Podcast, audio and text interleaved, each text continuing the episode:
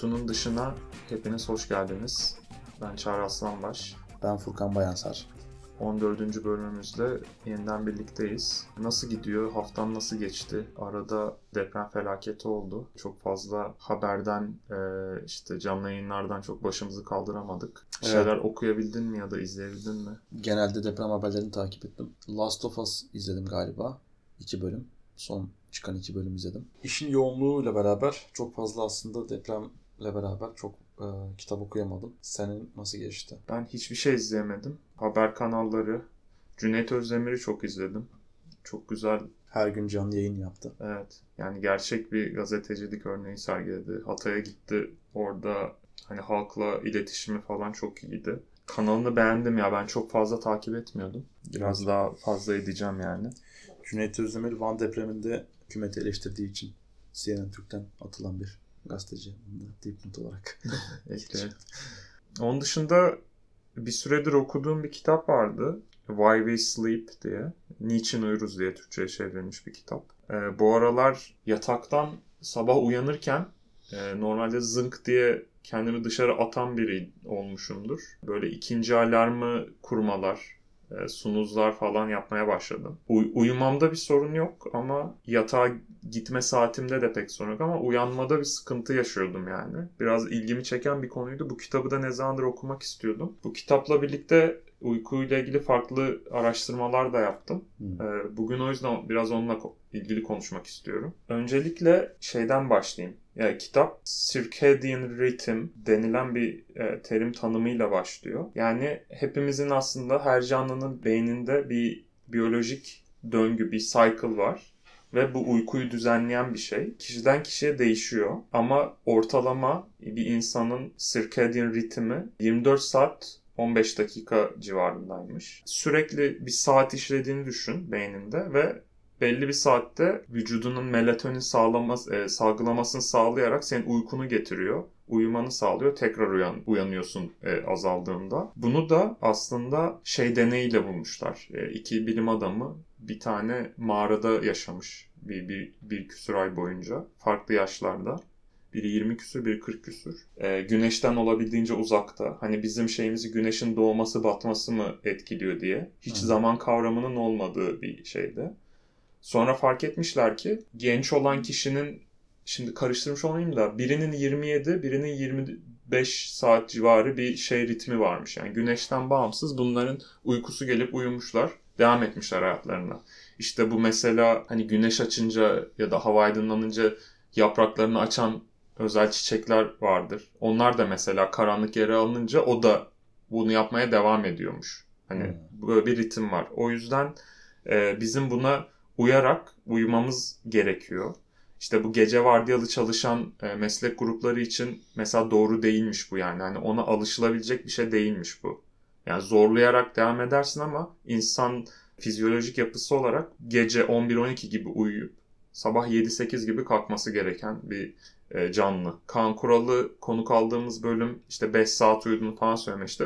Öyle çok gerçekten ufak bir grup varmış. Onlar için bu normalmiş ama hani bizim biz de öyle olacağız deyip yapamazmışız, ya, yapmamalıymışız. Bu 24 saat 15 dakikayı 24 saate ne çeviriyor? İşte bu güneşin doğuş batışı bu cycle'ı 24 saate yuvarlıyor aslında. Yani biz o yüzden 24 saate bu circadian ritmi uydurarak hayatımıza devam ediyoruz. Bu cycle'a paralel olarak vücut ısımız da şey yapıyor. Uyumadan önce vücut ısı, ısımız düşmeye başlıyor. Gece sabaha doğru tekrar artıyor.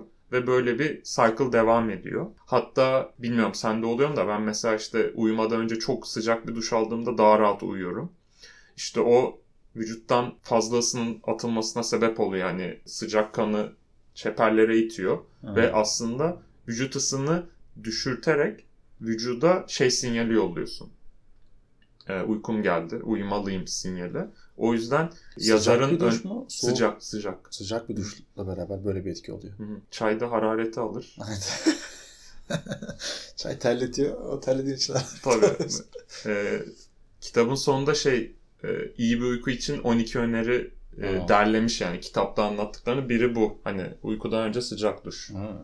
Bu circadian ritmi e, şeye de bağlamış. Mesela o da merak ettiğim bir konuydu. Bu jet lag nasıl oluyor insanlar? Genellikle doğudan batıya doğru gidince günü hızlı sardığın için özür dilerim. Yavaş sardığın için bindiğin saate yakın bir saatte iniyorsun yine. Ama Evet. arada 8-9 saat geçmiş.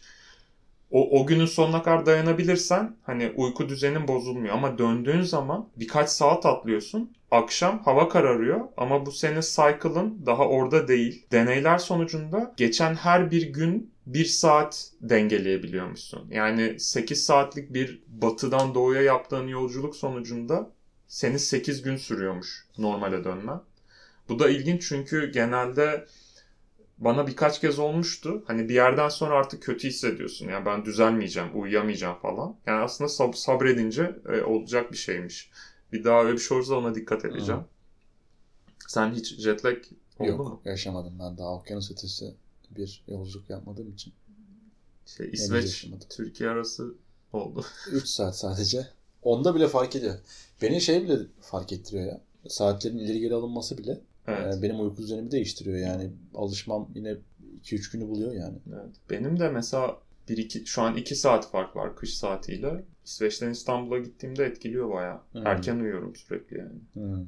Ya ilgimi çeken konuları not ettim. Ee, onlardan devam edeyim. Uyku biliyorsun iki ana parttan oluşuyor. Bu REM uykusuyla NREM ya da NREM uykusu. Hani açılımı Rapid Eye Movement, diğeri de Non-Rapid Eye Movement. Rapid Eye Movement'ta e, gözlerin kapalı ama oynuyor. E, O rüya gördüğün uyku. Bunlar ilk uyumaya başladığında yine döngüsel olarak REM uykusundan başlıyorsun. E, Light NREM uykusu daha derin, en derin. Sonra geri dönüyor, tekrar başlıyor. Ama uykunun ilk 4 saati NREM uykusu daha ağırlıktayken son 4 saati REM uykusu daha ağırlıklı. Yani senin işte rüya vesaire görme şeylerin daha sonra oluyor. Hangi uykuda beynimiz neyi yapıyor? Biraz onları e, araştırmış. E, en son şeye bağlıyor. Hani sen işte belki 1-2 saat erken uyanman gerekiyor öbür sabah. Sen bayağı REM uykundan e, yarısını yemiş oluyorsun. Yani bunu 8 saat gibi değil aslında 4-4 gibi düşünmek lazım ve ayrıca diyelim ben gece 4'te uyudum, öğlen 12'de kalktım. O zaman şey gibi düşünebilirsin hani REM, uyk- REM uykum e, şey NREM uykum 4-8 arası, diğeri 8-12 arası. Aslında öyle de değil. O hep 11-12, 3-4 arası NREM oluyor. Bu işte bu döngü yüzünden. Sen o gece 4, 3'te 4'te yatarak NREM'i atlamış oluyorsun ve onun sana vücuduna sağladığı faydaları o gecelik atlamış oluyorsun. O yüzden e, hep aynı saatte ve doğru saatte uyumak çok önemli. Benim şöyle bir gözlemim var kendi uyku düzenimle alakalı. 11-12 arası uykum geliyor. Özellikle kahve, çay içmezsem o arada gelen uykuyla beraber yatağa girsem kesin çok kısa sürede uykuya dalarım yani. Ama onu çay ve kahveyle içince tabii o e, veya dayanıp da 12'yi geçirirsem uyumayıp dayanıp 12'yi geçirdim veya çay ve kahveyle o süreci atlattım. Ondan sonra uykum kaç, kaçıyor ve artık 3'e kadar fal taşı gibi gözlerim açık dururum yani. Hiç uykum gelmiyor ondan sonra. Zorlayarak kendim uyuyorum. Abi çok güzel bir şeye değindin. Orada aslında senin gece uyumana yakın uykunu getiren beyninde biriken adenosin adında bir kimyasal. Yine bu beynimizdeki o uyku döngüsüne denk bir şekilde uyumaya doğru artan bir şey bu. Ve uykuyla azalan bir şey bu. Yani uyku, uyudukça azalan bir şey. Bu adenozin isimli kimyasal beyin reseptörleri tarafından algılanıyor. Kafein bu beyin reseptörlerini blokluyor. O yüzden kahve içtiğinde yaklaşık 30 dakika içinde etkisi başlıyor kafeinin. 30 dakika içinde senin uykun kaçmaya başlıyor. Fakat buradaki e, sıkıntılı kısım kafeini karaciğer atıyor vücuttan ve kahve içtikten 6-7 saat sonra o kafeinin %50'sini atmış oluyor. Yani sen kahve içtiğinin 5-6 saat ya da 6-7 saat sonrasında en etkili, en uykunu engelleyecek kademesinde oluyorsun o kafeinin vücudundaki yolculuğunun. O yüzden bir kahve içeyim 3-4 saat sonra da uyurum kesinlikle olmuyor. Özellikle e, sabah sadece kahve içilmesi gerektiğini söylüyor. Hı. Tabii çayda da kafein yok sanırım ama onda da uyaran maddeler var. Çayda bildiğim kadarıyla kafein var ama tabii kahvedeki kadar olmayabilir. Ha olabilir. Evet. Ee, o yüzden e, yanlış yapıyorsun. Tabii Öyle tabii ben yapma. yanlış yaptım mı zaten eminim yanlış yaptım mı da bende de şöyle bir durum var yani erken 11'de uyuduğum zaman zaten 6-7 gibi 6'da 6.30'da işi bırakıyorsun. Yemek hazırla falan filan derken oldu saat yemeğini ye derken saat oldu 9. Yani 2 saat mi var günde? Kalıyor yani uykudan önce veya 2.30 diyelim. O 2.5 saat bana çok az geliyor. Sabah erken kalkıp bir şeyler yapabilirim. Ama ben hiç sabahçı bir adam değilim. Sab- İlkokulda sabahçı olmaktan nefret ederdim. Sabahları verimli geçirmeyi öğrenmeliyim belki. Çünkü sabah gerçekten benim beynim yavaş çalışıyor yani bunu hissediyorum. Belki alışmadığımdan. Ve sabah diyelim çok erken kalktım. 7.30'da kalktım. O günüm daha verimsiz geçiyor benim için. Dediğim gibi belki alışmadığımdan kendimi biraz zorlasam birkaç hafta bunu düzene oturtabilirim. Evet. Yani aşırı ya sihirli bir olgu yani uyku. Gerçekten e, alışmak lazım. Hani doğru saatte uyuyup kalkmaya. Hatta bu aralar çok fazla alarm sunuzluyorum dedim. Orada da şey her bir alarm çaldığında hani sinir sistemimizi uyarıp stres artışına sebep oluyor. Onu da önermiyorlar. Yani bir alarmla kalkmalısın. Ha. Hatta şey varmış. e, Tabii bu tüylerim diken diken oluyor benim. O başka mesela sosyal hayatta gün içerisinde birisinin alarmı çalıyor kafede otururken falan. Hı. O ses beni ürpertiyor yani. evet sabah aklına geliyor değil mi? Evet. şey falan varmış. Kağıt öğütücülü alarm, başucu alarmı. İşte oraya para koyuyormuşsun. Alarm çaldıktan belli bir süre sonra kapatmazsan parayı kes şey Aa. parça öğütüyormuş. Çok güzel taktik. Evet. Aklımıza gelmedi.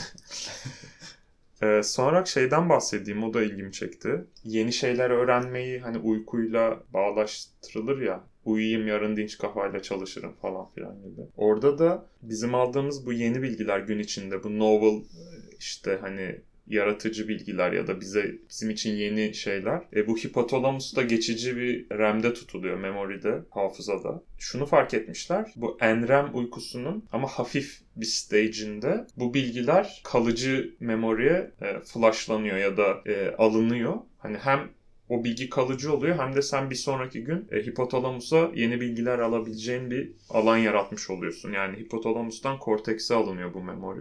O yüzden NREM uykusu da ilk 4 saat yani o 11-12'den 3-4'e kadarki kısımda yüksek olduğu için o orada uyumak, o doğru güzel uyuyabilmek senin gün içinde öğrendiğin bilgileri tazeliyormuş. Değişik bir deney yapmışlar. Gün içinde işte bazı gruplara böyle yeni bilgiler öğretmişler. Ama bazı bilgileri öğretirken belli sesler vermişler. Bu Pavlov'un köpeği gibi. Sonra akşam e, tam NREM ikinci stage'de şey ya da light stage dediğim o sesleri çalmışlar uyuyan kişiye. Hani o, o bilgileri daha iyi hatırladı ertesi gün. Buradan da yola çıkarak hani çok fazla bilgiye maruz kalıyoruz ya artık. Şey deneyleri falan yapılıyormuş. Bir sürü bilgi var ama şu bilgiler daha önemli. Onları daha iyi öğrenmeliyim. Hani böyle bilgi seçebileceğiz Hmm. ileride belki.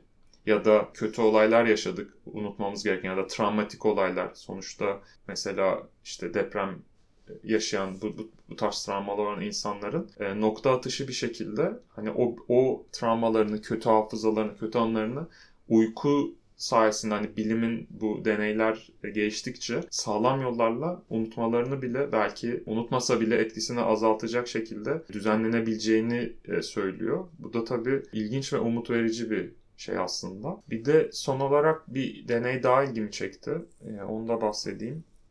Öncelikle şunu diyeyim hani alkolün uykuyu olumsuz etkilediği özellikle bilginin kalıcı memoriye alındığı uyku kısımlarını rahatsız ettiği ve hani yeni bilginin alkol içip uyuyarak aslında daha etkisiz bir şekilde yani veri kaybına sebep olacağından bahsetmiş. Ama bir deney yapmışlar abi. Üç gruba ayırmışlar insanları ve çok yeni bir bilgi öğretmişler ilk gün. Hepsine de çok iyi öğretmişler. Emin olmuşlar. Sonra ilk grup 7 gün boyunca çok sağlıklı, alkol almadan, işte kahve almadan doğru saatlerde uyu- uyumuş 7 gün boyunca. İkinci grup ilk günden itibaren alkol içerek sürekli her akşam öyle uyumuşlar tabii şey yani seviyeli bir şekilde. Üçüncü grupta ilk 2-3 gece sağlıklı ilk grup gibi sonraki 3-4 gece de ikinci grup gibi alkol iç, içerek uyumuşlar. Sonra o 8. gün test yapmışlar. İlk grup tabii ki şey çok başarılı. İkinci grup öğretilen bilginin %50'sinden fazlasının kaybedildiği. Üçüncü grupta da öğrenilen bilginin %40'ından fazlasının kaybedildiği saptanmış. Ona bayağı şaşırdım. Yani öğrenilen bilginin aslında bir gecelik uykuyla şeye geçmediği çıkmış. Ama bu rakamın kaç gün olduğu da bilinmiyor şu an. Denklemi yok bunun. Ama hani mesela haftaya sınavın var diyelim. Haftaya bugün cuma, haftaya cuma sınavın var. Ee, senin cumaya kadar sürekli iyi, iyi uyuman lazım. Eğer gerçekten bilgi hatırlamak istiyorsan hani 5-6 gün çalıştım son akşam hadi biraz keyif yapalım dediğin an bile ona zararlı o bilgi oturmamış olabilir yani. Uykuyla alakalı benim ondan da bahsedelim. Yatak oda yani uy- uyuduğun odanın e, tamamen ışıktan izole olması da çok tavsiye ediliyor ya. Hı hı. Tamamen karanlık olması işte bu senin bahsettiğin melatonin hormonunun salgılanması tamamen karanlıkta oluyor. Ben bunu kesinlikle yani ben bu yaşayarak gördüm yani bunu. Burada İsveç'te yazları çok uzun olduğu için gün kalın perdeler perdeler oluyor genelde evlerde. O perdeleri çekip de uyuduğun evi tamamen %100, %100 karanlık yapamıyorsun da ona yaklaştırdığında bile uyku kalitende çok fark ediyor. Perdeyle beraber göz bandı da aslında kullanılabilir. Herkes rahat edemiyor göz bandıyla ama ben de başta bir süre kullandım daha önce. Başta biraz zorlanıyor insan rahat edemiyor. Ama alıştıktan sonra göz bandının da çok faydasını gördüm yani. Sabah kalktığımda böyle gerçekten daha dinç. Yer uyandığımda daha derin bir uykudan uyanıyorum. Ama bu iyi hissettiriyor yani beni. Ve daha verimli uyuduğumu hissediyordum. O ışık da çok önemli yani e, uyku kalitesi açısından. Eğer ışık, çok ışık alan bir odada sanız o dediğin, dediğin gibi o hormonların salgılanmasını önlediği için verimli bir uyku olmuyor. Onun ideali şey, gece süper karanlık uyumak ama sabah gün ışığıyla uyanmak. Şimdi modern dünyada bu artık şeyleri ayrı tutuyorum. Bu yapay güneş ışığı yapan, yavaşça parlaklığı artan medikal lambaları ayrı tutuyorum. On, on- onları bilmiyorum, emin değilim o konuda. Ama gece perdeyi açıp bir sokak ışığına mutlaka maruz kalıyorsun yani modern hayatta. Eğer ıssız bir yerde yaşamıyorsan. Eğer öyle bir şey mümkün olsaydı gece perdesiz yatacaksın. Sabah gün ışığıyla uyanacaksın. En ideali o. Tabi İsveç'te o da olmuyor. Yazın dediğin gibi. Kışın da aynı. Karanlığa uyanıyorsun. Türkiye'de kış saati e, uygulaması yok. İşte orada da öyle bir şekilde uyanıyorsun. Ama bunu herhalde orada bir yerden feragat edilecekse blackout perdeler vesaire kullanarak e, göz göz bandını ben çok tercih yani biraz korkuyorum takmaya. Ona alışınca normal uykuya bu sefer hani Hı. bantsız uyuyamama şeyinden korkuyorum. O yüzden hiç girmedim o işe. Bir de gözünde bir şeyin varlığı belki alışıyorsundur da. Mesela kol saati takarak da uy- uyuyamam. O da rahatsız eder. Hmm. Bu e, akıllı Sen- saatimde Sen boş ver perde al abi sen. ben sen uyuma abi. Önemli değil. E, bu akıllı saatim uyku şeyini ölçüyor. Hmm. E, kitabı okuduktan sonra merak edip bir gece koluma taktım. Hani o NREM uykusu işte ilk 4 saat daha yüksek olacak mı mesela. Hakikaten o şeye uyuyor yani. Hmm. Böyle bir şeyi okuyup bilerek o şeyi inceleyince de bir hoşuma gitti yani. Bir de şunu söyleyeyim. Ben nerede okuduğumu hatırlamıyorum bir yerde. Bu uyku bazı insanlar sabahları daha dinç olur. Bazı insanlar geceleri diye bir çok bilimsel olmayan ama toplumda bilinen bir şey var ya. Ben bu kategoride geceleri daha dinç olan insana giriyorum. Evrimsel olarak baktığın zaman işte avcı toplayıcı olduğumuz dönemlerde bir kesim insan geceleri uyurken bir kesim yani o gruptaki kabiledeki veya insanların bir, bir kısmı top o kabileyi koruyor. Gece ayakta, gündüz dinleniyor, uyuyor. Diğer insanlar da gece uyuyarak gündüz işte yemek topluyor, avcılık yapıyor vesaire. Böyle bir görev dağılımı oluyor ve bu nesiller boyu genlerle gelmiş. Ee, o yüzden kimimiz sabahları daha dinç, kimimiz geceleri daha dinç diye ben de kendimi avcı şey koruyucu olarak Ha. Ben onu yükselen burçlarla ilgili diye biliyorum. evet, daha daha bilimsiz nasıl konuşabiliriz diye. Orada böyle iki, iki gruba da ben öbür gruptayım diyerek e, sürekli uyuyan e, hani Abi ben sürekli yorgunum ya sürekli uykum geliyor diyen tipler var ya mesela hepimizin etrafında. O da onlardan geliyor muhtemelen. Hadi nöbete deyince abi ben gündüzcüyüm. Evet. Hadi ava deyince abi ben gececiyim diyeceğim. Şu an Darwin 3 tur attı sanırım şeyde. Kapatabiliriz bu bölümü. Bizi dinlediğiniz için teşekkür ederiz. Ee, ilerleyen bölümlerde tekrardan görüşmek üzere. Hoşçakalın. Görüşmek üzere, hoşçakalın.